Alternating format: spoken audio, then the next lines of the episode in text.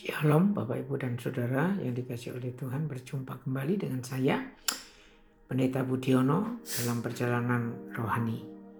Hari ini hari Kamis tanggal 11 Februari 2021. Bacaan Alkitab kita pada hari ini terambil dari surat Kolose pasal 1 ayat 15 sampai dengan ayat yang ke-20 namun kita akan memfokuskan diri untuk membaca Kolose 1 ayat 15 sampai 16. Mari kita membuka akan Alkitab kita dan kita perhatikan Kolose 1 ayat 15 dan 16.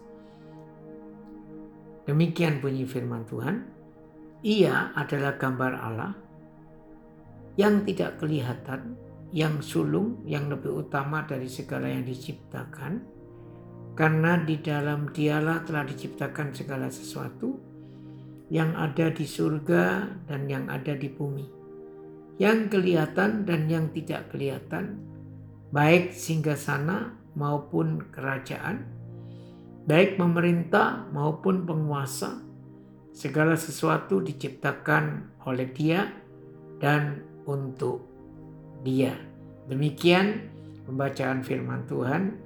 Kiranya Tuhan memberkati kita semua dan berbahagialah kita yang membaca, yang merenungkan dan yang melakukan firman dalam kehidupannya hari lepas hari. Amin.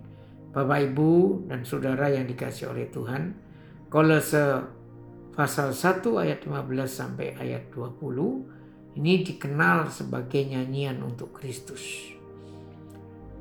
Di sini Paulus menguraikan tentang pribadi dan karya Kristus.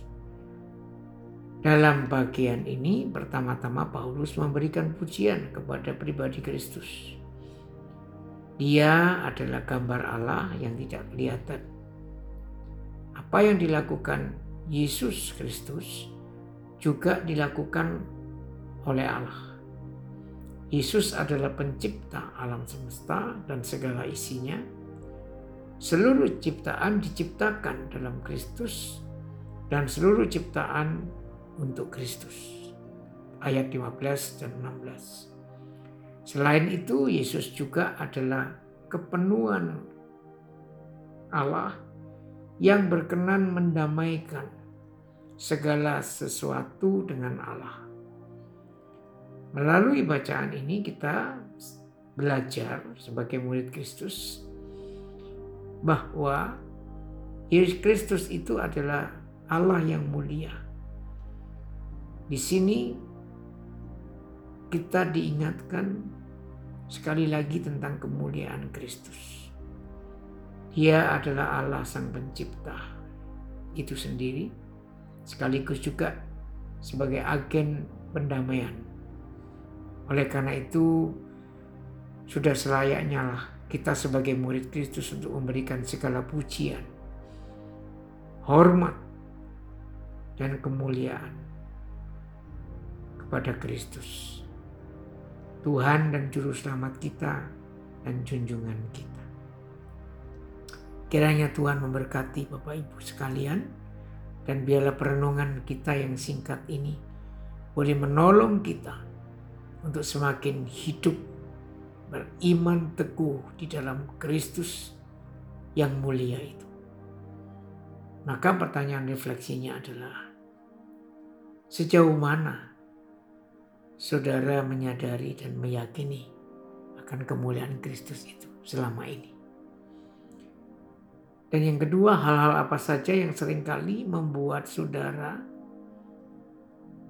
itu tidak melihat kemuliaan Kristus dan tidak memberikan pujian kepada Kristus. Apa yang harus kita lakukan supaya kita tetap terus menjadi umat yang selalu sadar bahwa Kristus itu adalah Allah yang mulia, Sang Pencipta itu sendiri. Tuhan memberkati Bapak Ibu, Saudara sekalian. Amin.